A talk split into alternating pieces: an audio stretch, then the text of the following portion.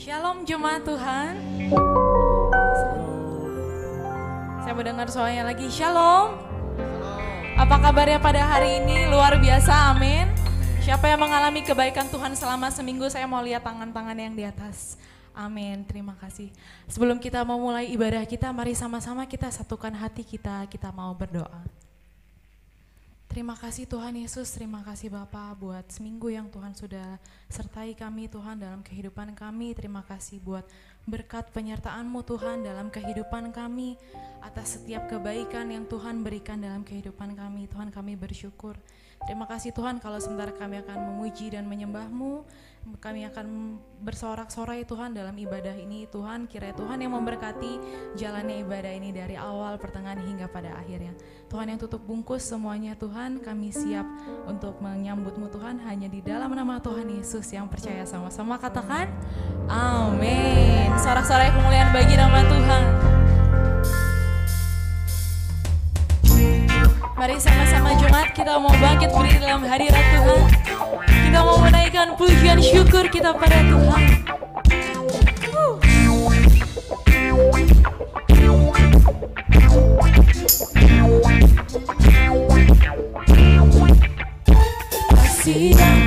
Begitu besar Lebih kuat dari dosa Kasih yang menemukanku Selamatkan dan pulihkanku Ku naikkan syukurku Ku naikkan syukurku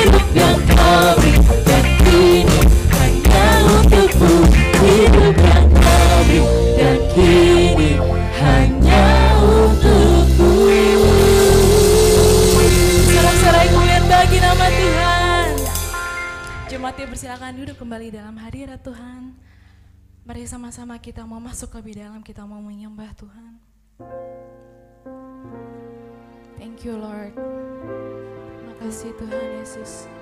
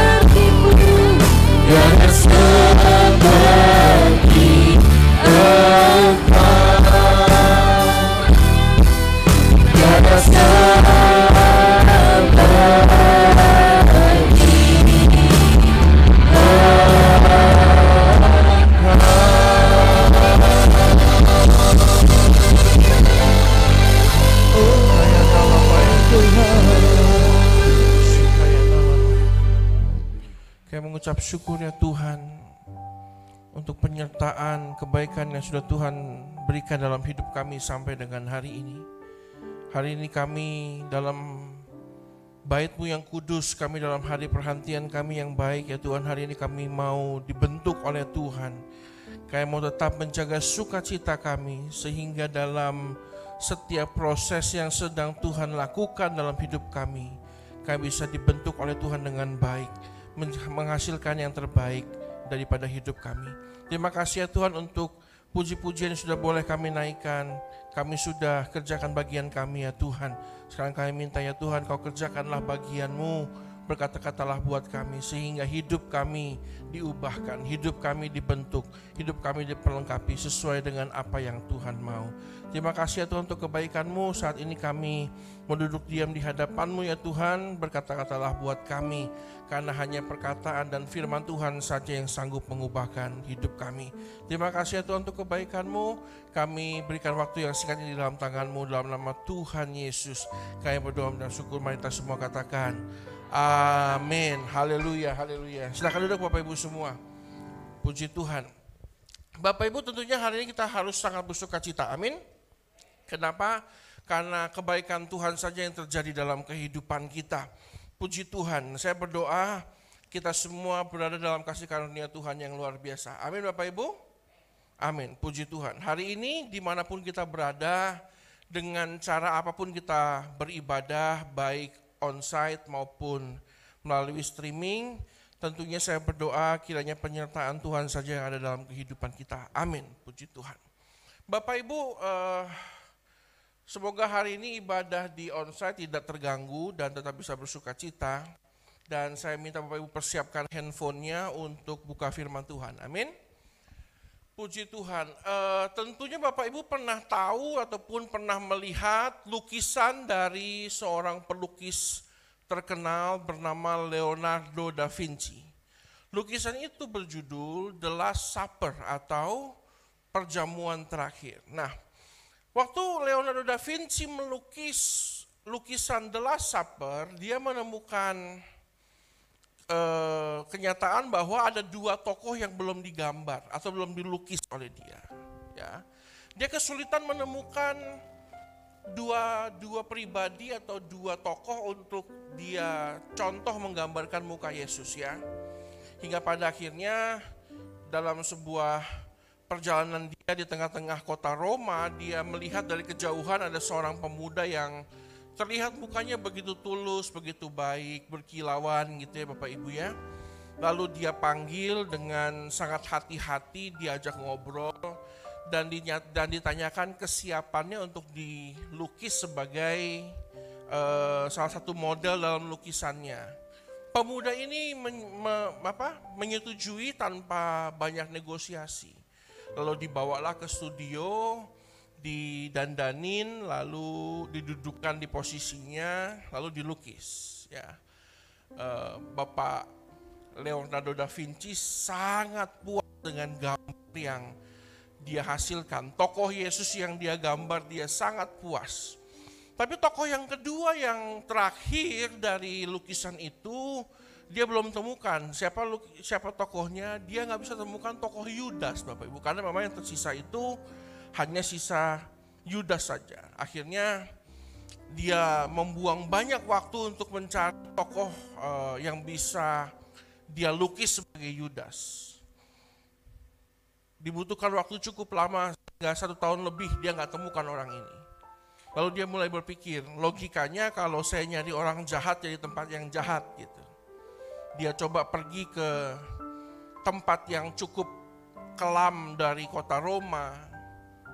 Dia pergi satu malam, belum sempat dia berjumpa dengan uh, siapa pun dia sudah merinding karena memang lokasi itu terkenal kejahatannya. Lalu dia belum masuk dia sudah bertemu dengan satu orang yang dia dia rasa itu apa emosinya meluap-luap. Rasa sedih yang begitu dalam, amarah yang begitu besar, dia dia lihat tuh oh, orang ini cocok banget deh gitu. Dengan sangat hati-hati juga dia dekati bapak ini, pemuda ini, lalu dia minta izin, mau nggak kamu saya lukis? Pemuda ini walaupun mukanya menakutkan, dia mengiyakan juga. Dibawa ke studio, didandanin, lalu didudukan di posisinya, lalu dilukis.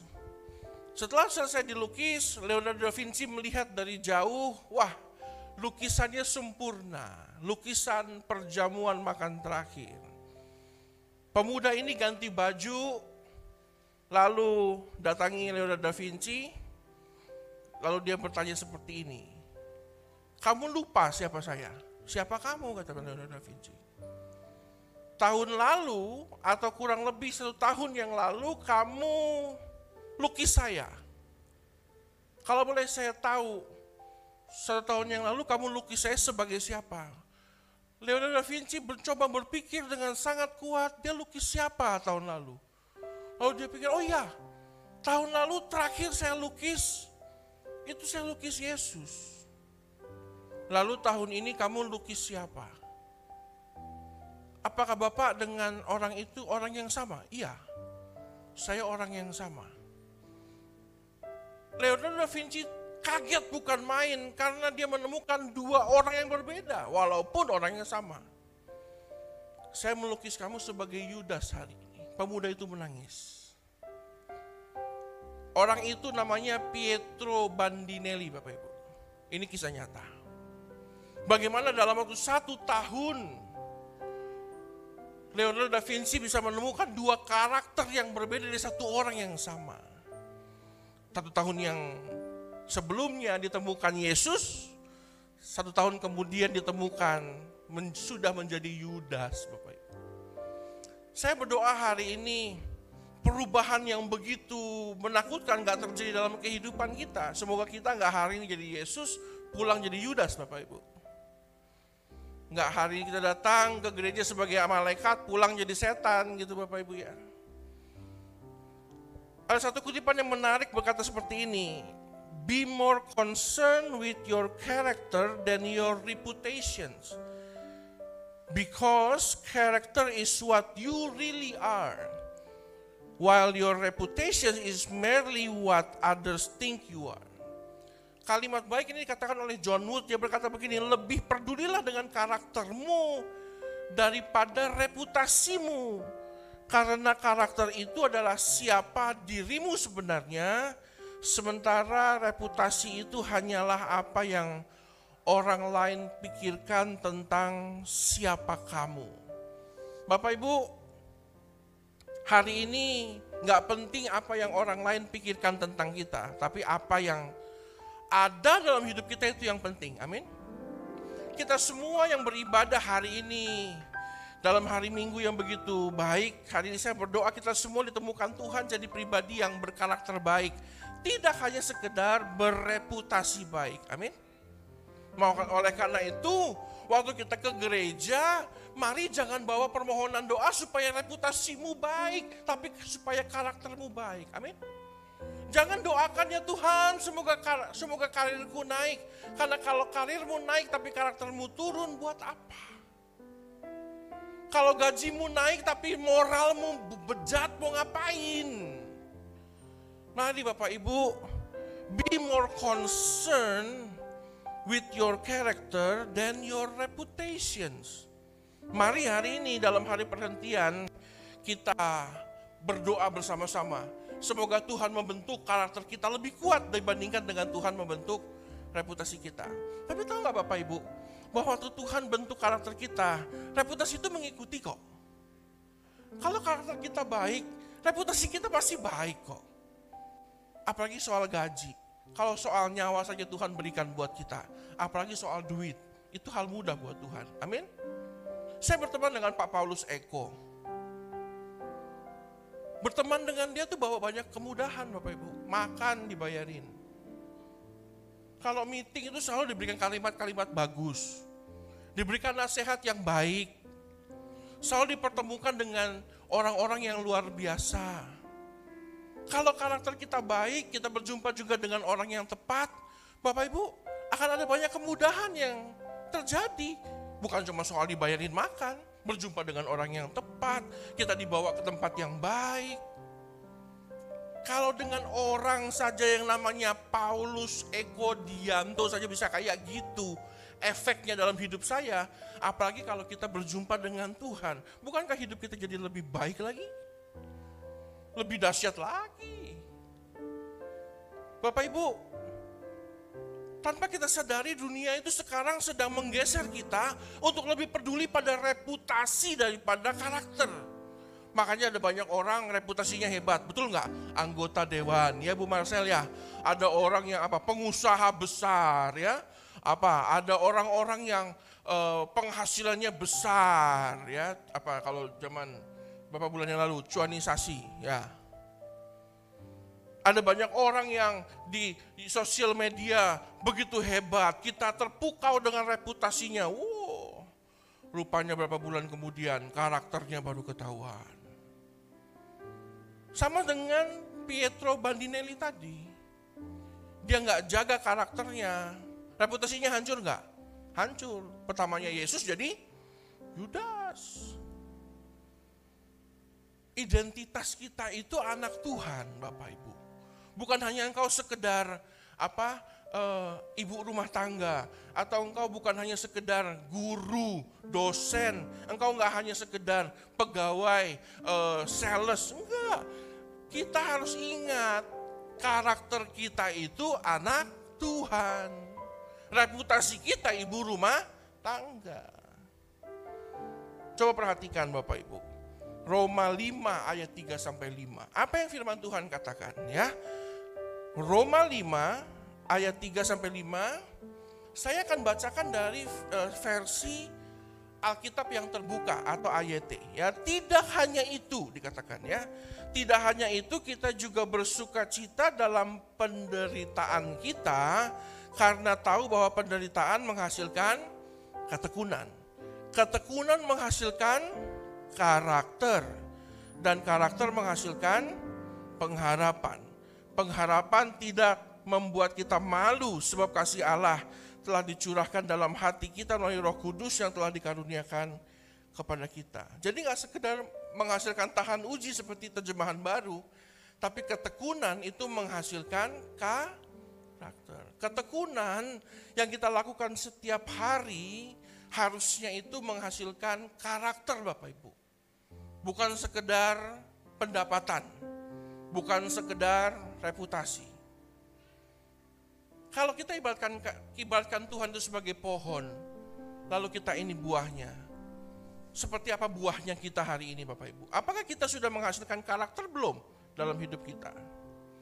Makanya jangan heran kalau terkadang Tuhan kasih ujian dan Tuhan izinkan cobaan Bapak Ibu. Kenapa? Tuhan mau uh, kita memproduksi karakter. Makanya Tuhan kan kasih apa? Dari tadi Roma Roma Roma 5. Tuhan kasih kita penderitaan. Tuhan kasih kita kesulitan supaya apa dalam hidup kita kita menghasilkan yang namanya karakter. Persoalannya begini Bapak Ibu, kalau semua proses yang Tuhan berikan gak menghasilkan karakter dalam hidup kita, kita sudah gak satu frekuensi sama Tuhan. Bapak Ibu tentu punya teknologi lama namanya radio, betul?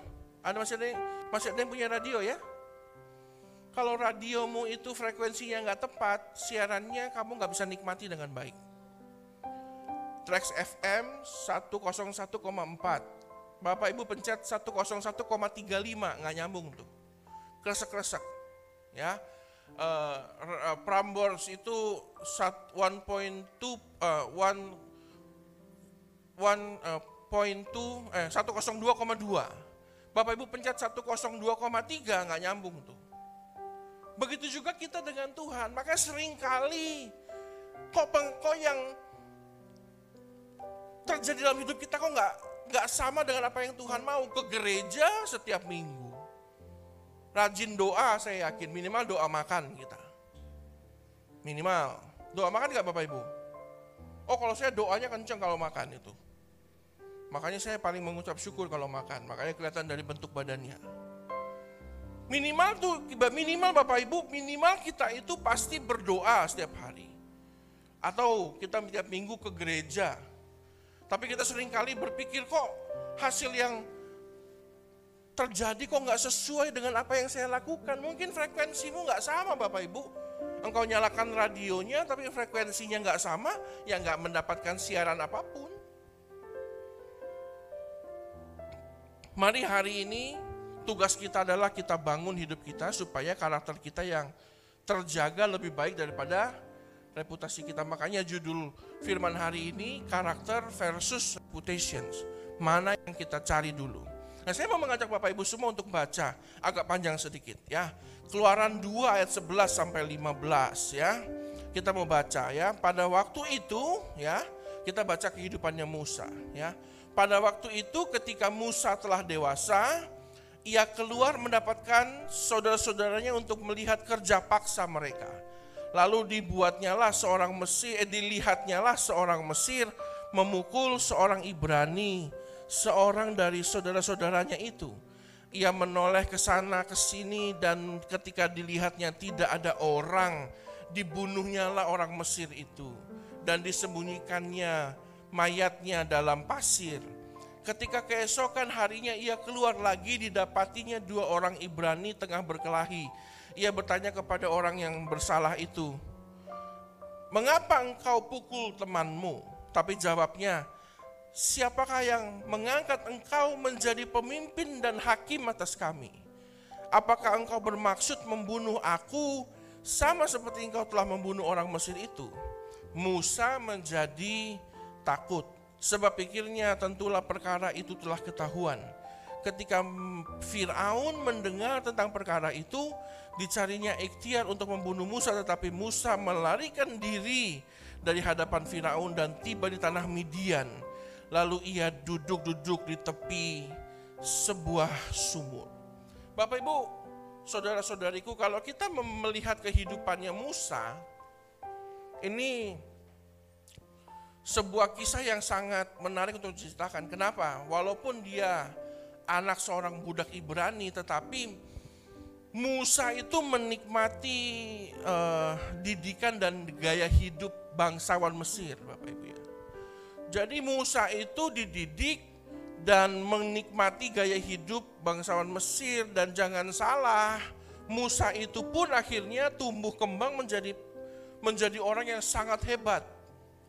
Ada sebuah literatur yang mencatat Musa itu jadi jenderalnya Mesir.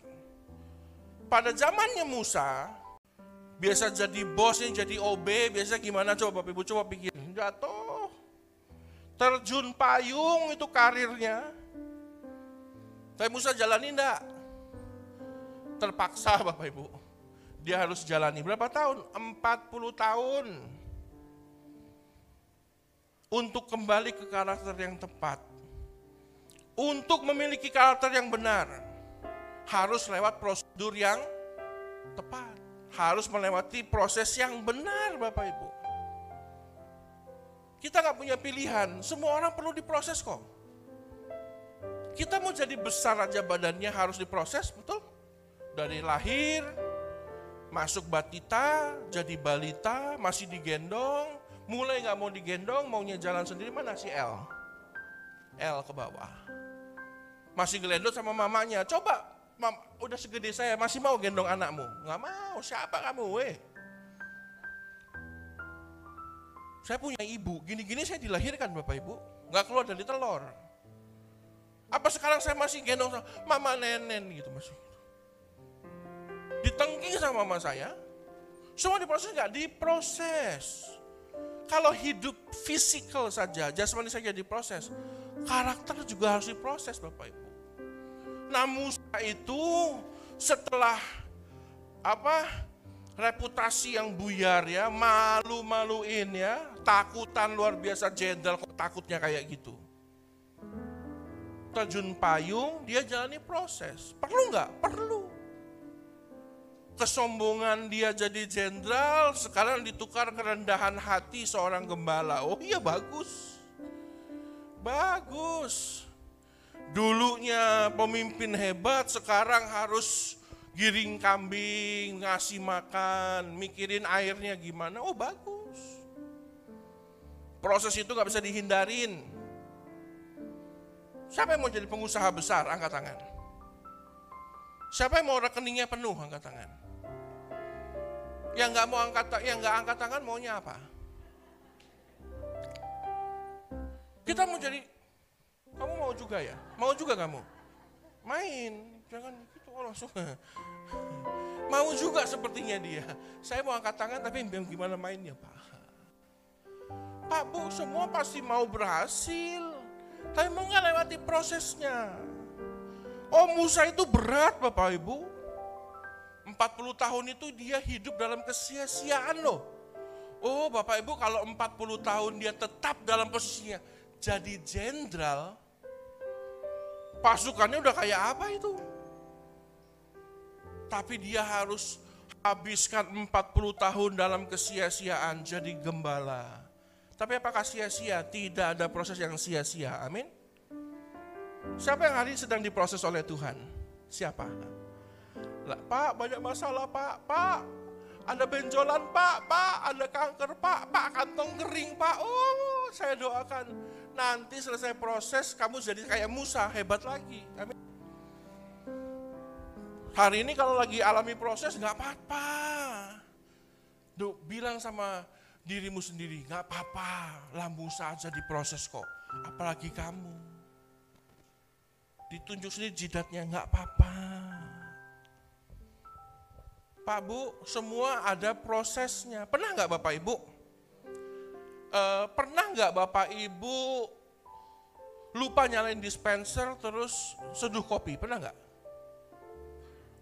Nyeduh kopi pakai air dingin pernah nggak? Pernah nggak? Lupa nyalain dispenser?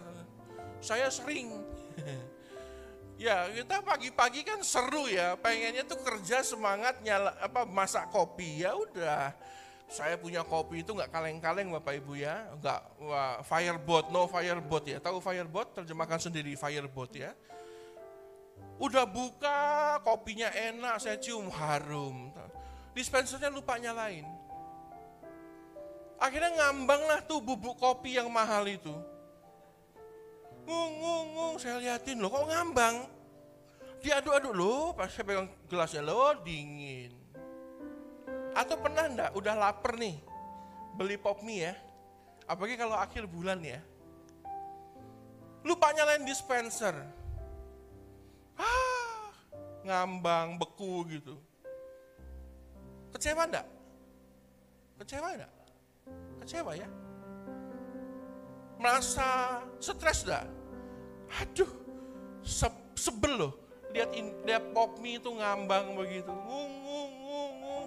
Kok enggak larut-larut? Perut udah kruk, kruk, kruk, kruk, kruk, kruk, kruk.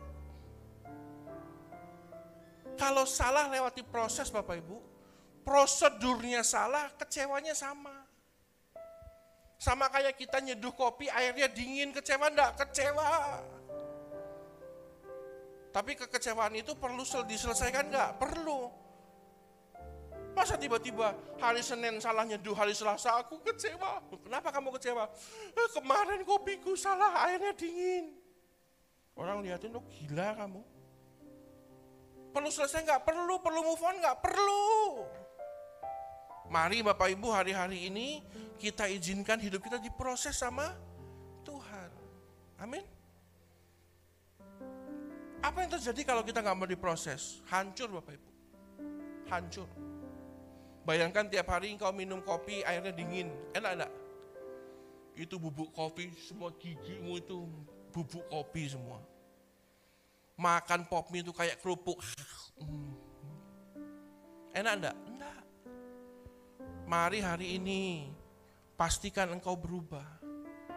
Suatu hari kapal induk tentara itu kan Amerika, Jepang punya kapal induk ya. Lagi badai kapal induk berlayar. Visibilitas nol, visibilitas zero. Kapten, anak buah kapal nggak bisa lihat satu meter ke depan nggak kelihatan kenapa? Hujan lebat, badai turun kabut. Waduh katanya si kapten ini aku nggak bisa ngeliat apa-apa. Dia panggil ahli navigasi. Kelihatan enggak? Kelihatan pak. Masih kelihatan, oke masih aman. Tiba-tiba dari pojok kiri anak buah kapal teriak, Kapten! Kenapa? Ada cahaya terang dari depan Kapten. Oh cahayanya itu ngapain? Cahayanya itu kirim kode morse Kapten. Kode morsenya ngomong apa? Segera ubah arah kapalmu 30 derajat ke kiri.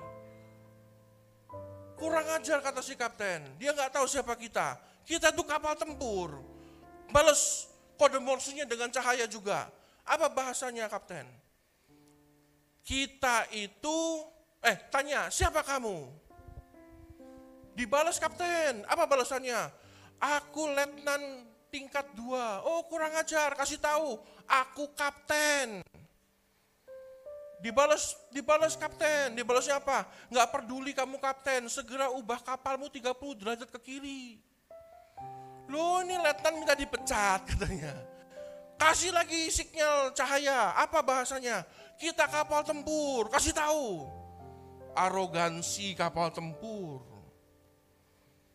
Dari sana dibalas kapten. Udah kapten buruan ubah jalur jat apa arah kapal. Balasannya dulu apa? Dia bilang dia mercusuar kapten. Buruan, buruan, rubah arah kapal 30 derajat.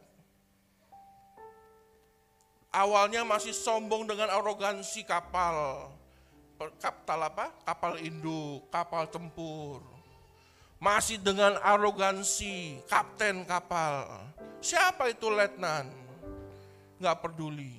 Begitu tahu kenyataannya bahwa itu mercusuar, sekelas kapal induk pun perlu berubah perlu berubah jalur nggak? Harus. Apa? Kalau nggak berubah, hancur Bapak Ibu. Bapak Ibu tahu nggak? Mercusuar, sekecil apa pun kau lihat mercusuar, ditabrak kapal induk dia nggak gerak Bapak Ibu. Dia diem aja. Yang goblok ya kamu kata mercusuar. Mercusuar itu sudah didesain, dibangun, di, dipantek ke tanah untuk ditabrak sama kapal apa pun dia nggak gerak. Sama dengan Tuhan Bapak Ibu. Tuhan itu ya Tuhan, nggak bergerak, mau ditabrak apa pun dia nggak gerak.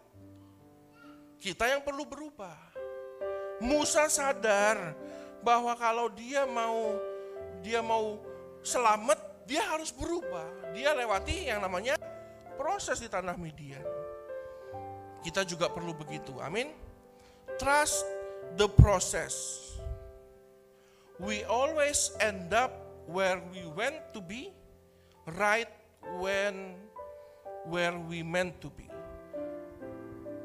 Percayai prosesnya, kita akan selalu berakhir di tempat yang tepat, juga di waktu yang tepat, Bapak Ibu. Hari-hari ini percayai proses Tuhan. Hari-hari ini kau lagi diproses karena COVID, sekian lama ekonomimu hancur, nggak apa-apa. Akan berhenti di tempat yang tepat, di waktu yang tepat. Amin. Pak, saya udah dibaptis, Pak.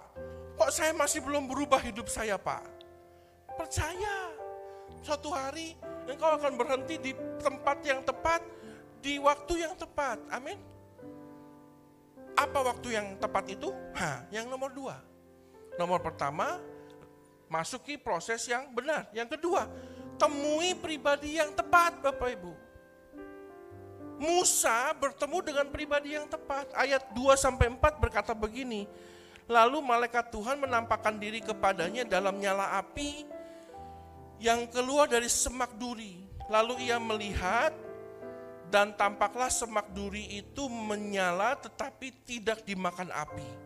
Musa berkata, "Baiklah aku menyimpang ke sana untuk memeriksa penglihatan yang hebat itu." mengapakah tidak terbakar semak duri itu? Ketika dilihat Tuhan bahwa Musa menyimpang untuk memeriksanya, berserulah Allah dari tengah-tengah semak duri itu kepadanya, Musa, Musa. Dan ia menjawab, Ya Allah. Bapak, Ibu, setelah engkau, engkau percaya sama proses dari Tuhan, yang kedua pastikan engkau bertemu dengan pribadi yang tepat. Siapa namanya? Yesus, Bapak. Hari itu Musa setelah 40 tahun diproses, digojlok, dihancurkan harga dirinya, dia bertemu dengan pribadi yang tepat. Tapi Bapak, Bapak Ibu tahu nggak? Pertemuanmu dengan pribadi yang tepat itu dimulai dari hatimu. Engkau sudah siap belum diubahkan Tuhan? Kalau hatimu masih kasar, masih keras, masih marah, masih penuh dengan benci, nggak akan ketemu sama Tuhan. Tuhan itu kudus, amin. Dia hanya mau bertemu dengan orang-orang kudus, betul? Sebaik apa pun Bu Marcel dengan saya, tapi kalau saya ke rumah ibu compang camping nggak pakai celana, nggak pakai baju, ibu mau temui saya? Jangankan buka pintu bu, dia ngelihat dari jendela aja malu itu. Betul enggak? Betul enggak? Padahal saya khotbah di sini udah berulang kali. Tapi dia lihat dari jendela, Pak Caton udah gila itu. Enggak telanjang bulat datang ke rumah saya loh. Ih, ih. Mau temui? Enggak Pak Bu.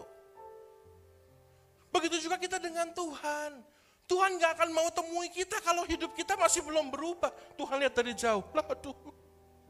Hati masih keras, penuh emosi, masih suka marah sana sini. Ih sorry ya, temui kamu males kata Tuhan. Manusia saja kalau ketemu orang kayak gitu males apalagi Tuhan. Ngerti gak Bapak Ibu? Ngerti enggak? Kalau kita mau bertemu dengan Tuhan, Persiapkan hatimu, persiapkan hidupmu untuk siap ditemui oleh Tuhan. Contohnya, pernah perpanjang SIM. Pakai sepatu apa sendal, Bapak Ibu? Eh?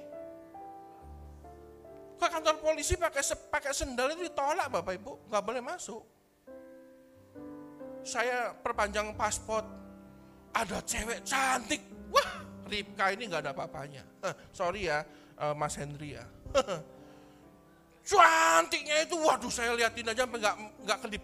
Uh, walaupun sudah beristri Bapak Ibu, uh, godaan itu nikmat. Uh, liatin, uh, badannya itu semok demplon, uh, kualitas Korea nomor satu. Wih, saya itu sedap. Rok pendek Bapak Ibu, pakai tank top. Wih, saya liatin dalam nama Yesus. Dalam nama Yesus. Tapi ada juga, oh berarti ini godaan iman. Gak apa-apa digodanya sekarang. Duh, saya liatin. Boleh gak masuk imigrasi? Satpam itu saya yakin pasti tergoda, pasti. Tapi dengan dengan gagahnya satpam itu kasih tangan, set. Ibu mau ngapain? Pak, saya mau perpanjang paspor. Bajumu kurang pantas, Bu. Di situ ada satu spanduk. Tidak boleh tank top, tidak ada gambarnya, nggak boleh tank top, nggak boleh baju yang terbuka, nggak boleh rok mini, nggak boleh celana pendek, nggak boleh sendal. Silakan dibaca bu. Pak tapi saya buru-buru, emangnya saya kurang rapi? Ibu bukannya kurang rapi, ibu kurang pantas. Silakan pulang bu, ganti baju, saya tungguin sampai sore. Pak bu masuk imigrasi aja loh. Itu bajunya pantas-pantas loh. Ya saya bilang pantas lah, orang bagus kok ya. Seksi kok, seksi. Tapi boleh enggak? Enggak. Imigrasi menolak kehadirannya kenapa? Bukan dia kurang cantik, kurang pantas. Pak Bu, kalau kita memang mau bertemu dengan pribadi yang tepat namanya Tuhan Yesus, pantaskanlah dirimu.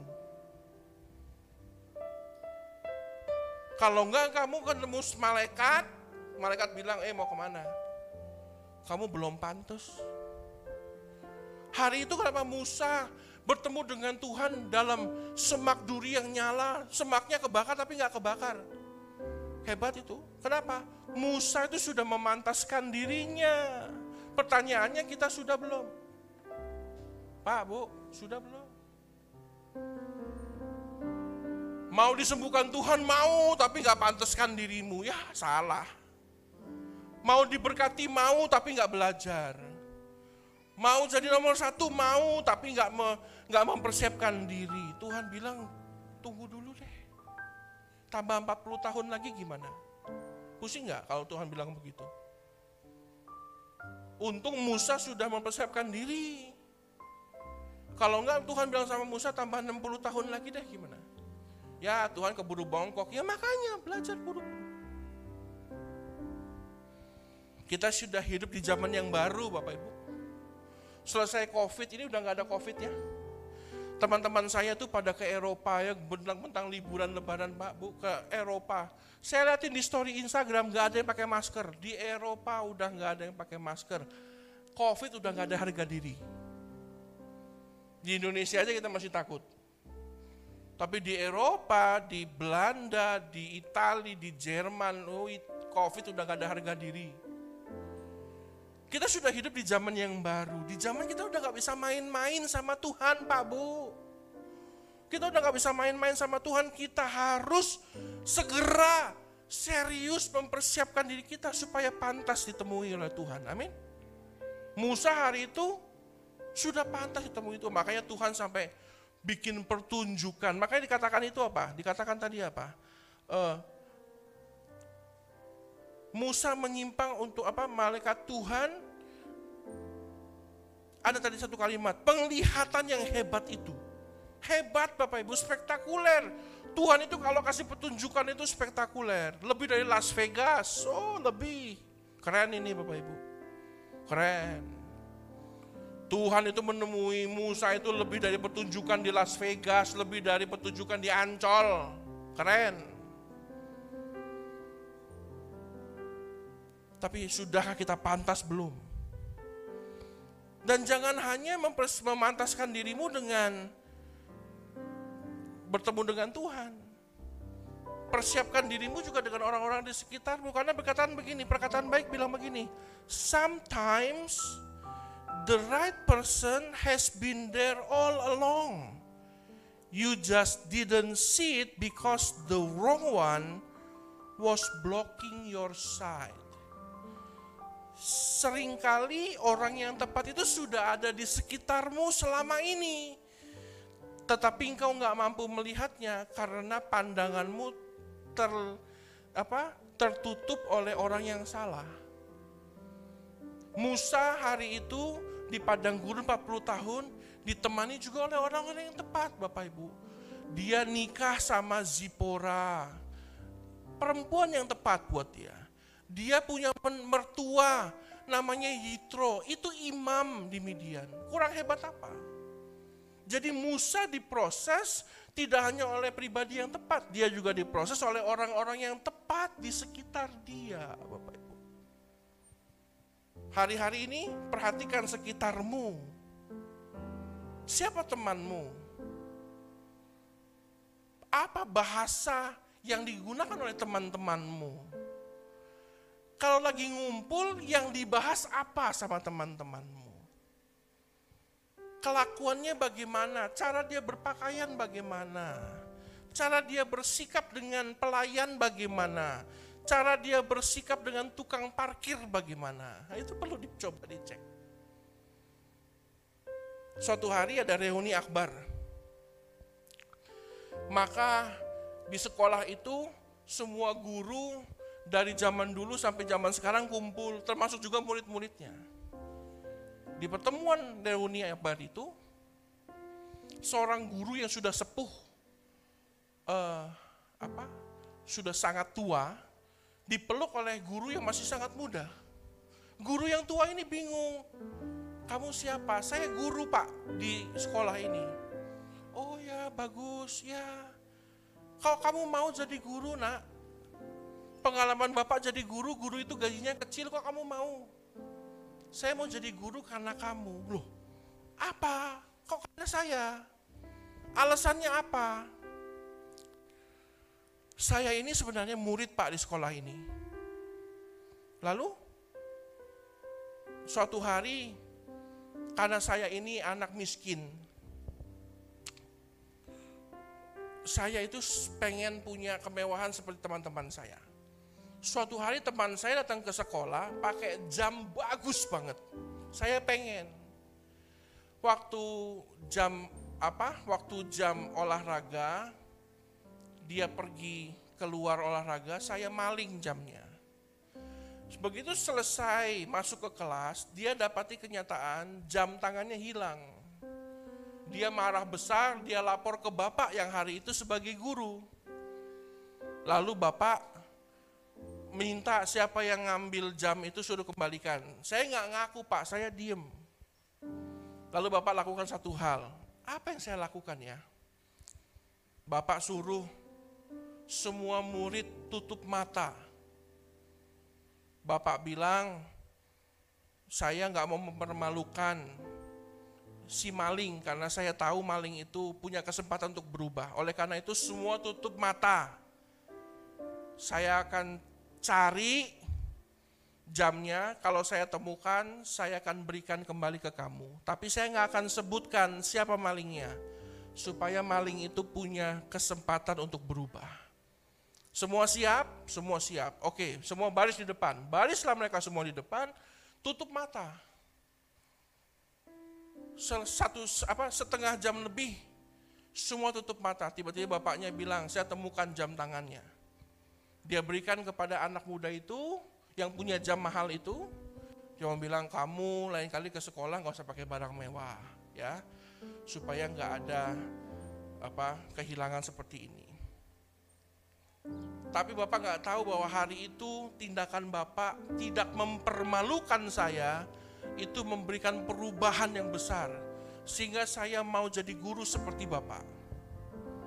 Oh ya bagus Sudahkah kamu belajar sesuatu dari kisah hidupmu itu? Tapi kamu tahu enggak? Bahwa saya pun waktu cari jam itu, saya pun tutup mata. Supaya saya tidak menghakimi kamu seperti teman-temanmu yang lain. Anak itu nangis.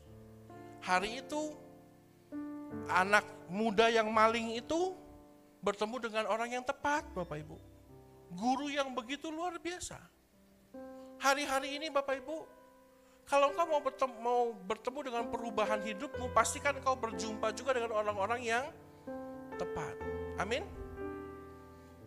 Kelilingi dirimu dengan orang yang tepat. Yang ketiga Bapak Ibu, setelah kita berjumpa dengan Tuhan, orang-orang di sekitar juga orang-orang yang hebat Bapak Ibu ya, maka yang ketiga, become the right person. Setelah kita masuki proses yang tepat, kita bertemu juga dengan pribadi yang tepat, marilah sekarang kita menjadi pribadi yang tepat. Ya. Bapak Ibu, Musa kita tahu Selesai itu dia dimarahi oleh Tuhan. Bapak Ibu pulang baca keluaran 3, keluaran 4, keluaran 5 ya. Maka Bapak Ibu akan temukan Tuhan itu sampai marah, murka sama Musa. Kenapa? Musa itu digojlok, dibentuk sama Tuhan, diomelin sama Tuhan. Tapi selesai itu dia jadi pribadi yang tepat. Hingga muncullah keluaran 4 ayat 20 sampai 21 ya. Firman Tuhan bilang begini, Kemudian Musa mengajak istri dan anak-anaknya lelaki lalu menaikkan mereka ke atas keledai dan ia kembali ke tanah Mesir. Dan tongkat Allah itu dipegangnya di tangannya. Firman Tuhan kepada Musa, pada waktu engkau hendak kembali ini ke Mesir, ingatlah supaya segala mujizat yang telah kuserahkan ke dalam tanganmu, kau perbuat di depan Firaun. Tetapi aku akan mengeraskan hatinya, supaya ia tidak membiarkan bangsa itu pergi. Musa jadi jenderal, Bapak Ibu. Dihancurkan harga dirinya jadi gembala. Tuhan kembalikan harga dirinya, enggak lagi jadi jenderal, jadi nabi besar, Bapak Ibu. Musa yang jenderal, penuh dengan kesombongan, dihancurkan harga dirinya jadi gembala yang rendah hati. Dari gembala yang rendah hati dipersiapkan Tuhan menjadi pribadi yang tepat. Jadi apa? Jadi jadi nabi besar, Bapak Ibu. Tidak hanya dihormati di Kristen, Islam bagi orang-orang Islam yang mendengarkan ibadah ini. Bukankah dia juga imam nabi besar? Benar nabi besar. Yudaisme Yahudi juga mengenal nabi besar namanya Musa, Bapak Ibu. Ini nabi hebat. Tapi menjadi nabi besar perlu diproses nggak? Waduh Bapak Ibu, menjadi pribadi yang tepat, jadi nabi itu prosesnya tidak enak. Kenapa? Kita baca ayat 21 ya, ayat 20. Dia kembali ke tanah Mesir. Kembali ke masa lalu Bapak Ibu. Jangan kembali ke masa lalu, ketemu mantan di mall aja males. Betul nggak? Suatu hari saya lagi jalan di mall, ketemu mantan saya di mall, oh saya ngabur Bapak Ibu Kenapa? Kalau ketemu kan aneh ya. Kan masih ada rasa Bapak Ibu. Hehehe, bercanda Bapak Ibu ya. Tapi bukankah begitu? Kalau kita kalau coba taruh taruh hidupmu dalam hidupnya Musa, disuruh kembali ke Mesir. Tem, dia masuk ke Mesir. Saya dulu jenderal loh di tempat ini. Oh itu dulu tempat tinggal saya. Oh ini dulu tempat saya duduk, duduk minum kopi. Oh ini tempat saya dulu bunuh orang. Enak enggak? Ini tempat saya dulu nyembunyiin di pasir. Jadi apa ini ya? Enggak enak Pak Bu. Dia disuruh kembali ke Mesir. Tapi untuk menjadi pribadi yang tepat, proses itu nggak berhenti. Jadi jangan waktu Bapak Ibu sudah dipilih oleh Tuhan, lalu kita ah proses selesai. Enggak, proses tetap jalan terus. Makanya Tuhan tidak hanya memulihkan pres, apa reputasi saja, Tuhan tetap juga membentuk karakter. Amin. Bapak Ibu hari ini kita belajar seperti Musa. Dikembalikan nggak reputasinya? Oh hebat Bapak Ibu. Bahkan lebih hebat daripada jadi jenderal. Dia jadi nabi besar. Reputasinya dikembalikan. Tapi lihat apa yang dia bawa ya dia kembali ke tanah Mesir dan apa? Tongkat Allah itu dipegangnya. Makanya Tuhan bisa bilang bahwa segala mujizat yang telah kuserahkan ke dalam tanganmu. Apa di tangannya itu? Tongkat. Tongkat gembalanya dia buang Bapak Ibu. Semua orang itu punya tongkatnya masing-masing. Jadi kalau Pak Paulus Eko sekarang di zaman Musa, dia punya tongkatnya sendiri. Itu saya juga berarti punya tongkat sendiri, Pak Rudi juga berarti punya tongkat sendiri, Pastor Fendi punya tongkat sendiri, itu namanya tongkat. Semua orang itu punya tongkat, Bapak Ibu. Bukan karena tua, kisah hidupnya diukir di sana. Tapi suatu hari Tuhan bilang, tuh di tanganmu ada apa? Tongkat, buang. Dikasih sama Tuhan tongkat yang baru. Oh Tuhan gak hanya berkati dengan reputasi yang baru, Tuhan kasih alatnya, amin. Tuhan kasih kesiapannya, Tuhan kasih toolsnya. Tongkat Musa nggak bisa belah laut merah Bapak Ibu, tapi tongkat Allah yang diberikan itu baru itu belah laut merah. Ketok batu keluar air. Itu kehebatannya Tuhan. Tapi apakah proses berhenti? Tidak, Bapak Ibu. Proses itu tidak pernah berhenti. Harus selalu diproses, harus selalu diproses. Oleh karena itu Bapak Ibu, hari ini pastikan kau diubahkan Tuhan jadi pribadi yang tepat. Amin. Tapi jangan berharap proses itu berhenti. Musa saja nggak berhenti diproses Bapak Ibu. Mari hari ini Bapak Ibu persiapkan dirimu. Karakter yang baik Tuhan cari, bukan reputasi yang baik. Amin. Reputasi kita nggak ada gunanya di sorga. Tapi yang paling penting itu karakter kita. Amin. Tundukkan kepala kita berdoa. Kami berdoa ya Tuhan, biar karakter kami engkau pelihara dengan sempurna, tidak hanya sekedar reputasi kami. Reputasi itu ciptaan manusia, karakter itu ciptaan Tuhan. Oleh karena itu kami mau persiapkan hidup kami untuk dipakai oleh Tuhan. Ampuni kami dan layakan kami ya Tuhan.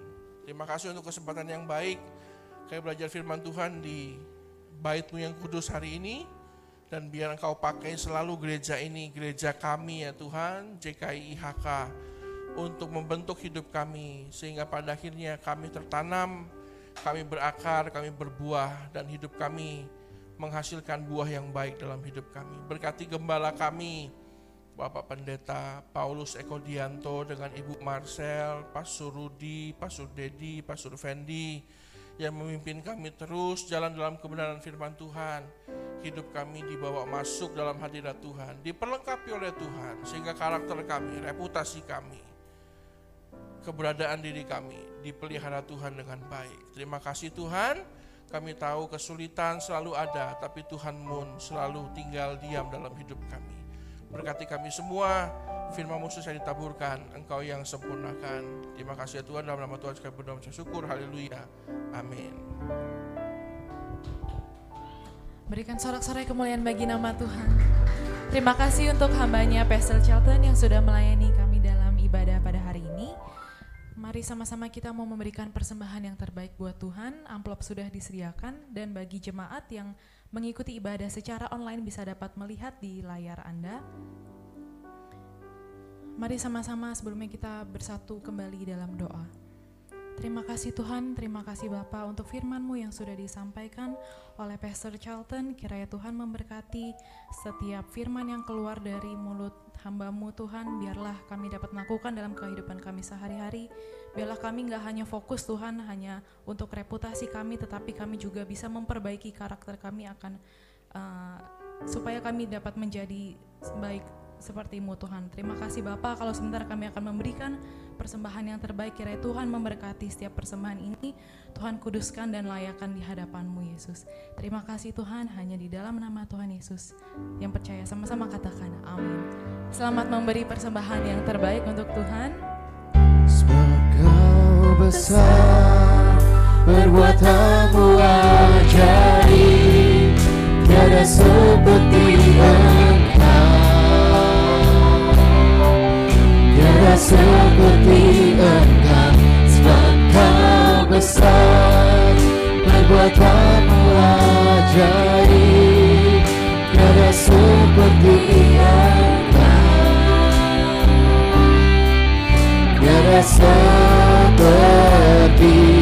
engkau mari sama-sama kita bangkit berdiri katakan sebab kau besar Yesus. Sebab kau besar perbuatanmu ajaib Tiada seperti engkau. Seperti engkau Sebab kau besar Perbuatanmu ajaib Tiada seperti engkau Tiada seperti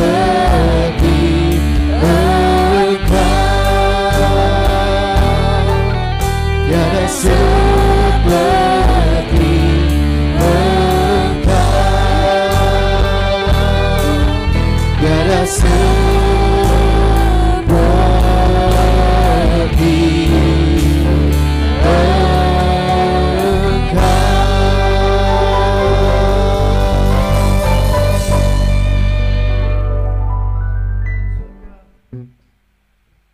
kasih Tuhan buat puji-pujian penyembahan Engkau Tuhan.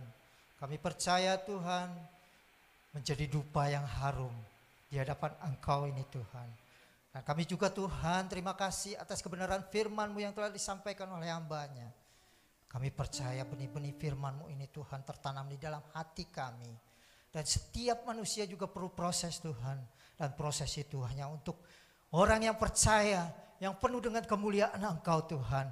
Dan kami tahu kami sanggup Tuhan, kami diberi kuasa untuk menangani. Sebab kami punya kuasa yang datangnya daripada Engkau. Terima kasih Tuhan Yesus. Terima kasih. Bapak kami juga berdoa ya Tuhan untuk saudara-saudara kami ya Tuhan Baik yang beribadah, baik secara online maupun on-site ya Tuhan. Tuhan terima kasih. Engkau kamu tahu Tuhan, pimpin kami Tuhan. Apa yang kami lakukan ini Tuhan berkenan di hadapan Engkau. Dan itu hidup kami selalu hidup yang penuh dengan kemuliaan di dalam namamu Tuhan Yesus. Terima kasih Tuhan. Berkati hambanya Pastor Charlton Tuhan. Berkati dalam setiap pelayanannya keluar pintu masuk rumah tangannya Tuhan. Engkau berkati Tuhan. Tingkap-tingkap langit engkau bukakan Tuhan di dalam nama Tuhan Yesus. Terima kasih Tuhan Yesus. Dan kami juga berdoa ya Tuhan untuk Bapak Gembala sidang kami Tuhan. Walaupun di hari ini Tuhan tidak bersama kami. Di dalam pelayanannya Tuhan di luar. Kami percaya Tuhan perlindunganmu yang begitu sempurna Tuhan di dalammu Tuhan. Dan engkau berkati Tuhan untuk kesehatan beliau. Engkau berkati juga Tuhan kesehatan untuk keluarganya Tuhan. Dan kami juga berdoa Tuhan untuk gereja-gereja satelit ya Tuhan. Gereja GJKI Hiaka. Baik yang di Bandung, Hiaka Kota, Hiaka S Ministry maupun internasional ya Tuhan. Engkau memberkati ya Tuhan dalam setiap gembala-gembala sidangnya ya Tuhan. Gembala-gembala pelayanan Tuhan Gembala-gembala pelaksana kami ya Tuhan. Di mana pun dia berada melayaninya ya Tuhan. Kami percaya Engkau tuntun roh kudus. Engkau memberikan hikmat di dalam setiap pribadinya. Sehingga dia keluar dari persoalan-persoalan ya Tuhan. Terima kasih Tuhan Yesus. Kami berdoa ya Tuhan juga untuk gereja di tempat ini ya Tuhan. Kami tahu Tuhan apa yang kami perlukan. Tuhan tuntun kami. Tuhan perlukan, Tuhan cukupkan setiap dana yang kami perlukan. Terima kasih Tuhan Yesus. Oh haleluya di dalam nama Tuhan Yesus. Kami berdoa ya Tuhan untuk bangsa dan negara Indonesia ini. Baik dalam jajaran tertinggi presiden, wakil presiden ya Tuhan. Menjadi presiden yang takut akan Tuhan. Yang senantiasa berdaulat untuk rakyat. Menjadi rakyat yang adil dan makmur ya Tuhan rakyat bahagia dan sentosa Tuhan. Bahkan sampai jajaran terkecil di RT kami ya Tuhan. Lindungi kami Tuhan setiap apa yang kami kerjakan ya Tuhan. Setiap persoalan-persoalan ya Tuhan. Kami percaya Tuhan memberikan kekuatan. Roh Kudus selalu memberikan di dalam setiap hambanya. Terima kasih Tuhan Yesus. Sebelum kami pulang Tuhan, kami akan perkatakan kata-kata iman. Mari angkat tangan saudara tiga-tiga di atas kepala dalam nama Tuhan Yesus 1 2 3. Saya, percaya saya dalam Tuhan yang, yang dengan kemuliaan Tuhan, hidup dalam kekudusan, sukses di dunia dan masuk surga. Saya percaya saya dalam Tuhan penuh dengan kemuliaan Tuhan, hidup dalam kekudusan, sukses di dunia dan masuk surga. Saya percaya saya dalam anak Tuhan yang penuh dengan kemuliaan Tuhan, hidup dalam kekudusan, sukses di dunia dan masuk surga.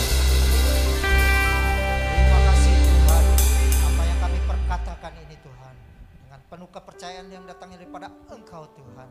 Kami yes. percaya firman-Mu ya dan dan amin. amin. Pasti terjadi. Terima kasih Bapa. Sebelum ini kami akan menerima berkat daripada Engkau Tuhan Yesus yang melalui hamba ini. Mari sebelum kita meninggalkan tempat ibadah ini, mari kita semua angkat kedua tangan kita. Mari kita tengadahkan wajah kita di hadapan Tuhan untuk menerima berkat yang terbaik daripada Tuhan Yesus. Haleluya, haleluya, haleluya. Tuhan memberkati engkau dan melindungi engkau. Tuhan menyinari engkau dengan wajahnya, memberikan kepadamu kasih karunia-Nya. Tuhan menghadapkan wajahnya kepadamu, memberikan damai sejahtera. Kekasih-kekasih Tuhan, jemaat gereja IHK di mana pun engkau berada. Engkau adalah biji mata Tuhan. Terimalah berkat yang melimpah-limpah dari Allah Bapa, cinta kasih dari anaknya yang tunggal yaitu Tuhan Yesus, penyertaan, penghiburan, serta kuat kuasa dari arah roh kudus yang akan senantiasa menyertai, membimbing, menuntun, bahkan mengangkat kita semua jadi kepala dan bukan jadi ekor. Engkau ditetapkan untuk terus naik dan tidak akan pernah turun. Apa saja yang engkau kerjakan dengan kedua tanganmu, baik bisnis, pekerjaan, studi, diberkati di dalam nama Tuhan Yesus, dibuat berhasil dan beruntung. Terima semua berkat yang terbaik, anugerah yang sempurna diturunkan dari Bapa segala terang, yaitu Yesus Kristus Tuhan, mulai hari ini sampai dengan selama-lamanya. Di dalam nama Tuhan Yesus Kristus, semua kita yang sudah menerima berkat dari Tuhan, sama-sama kita katakan, Amin. Yesus memberkati kita semua. Sebelum berakhir bisa duduk dulu sebentar.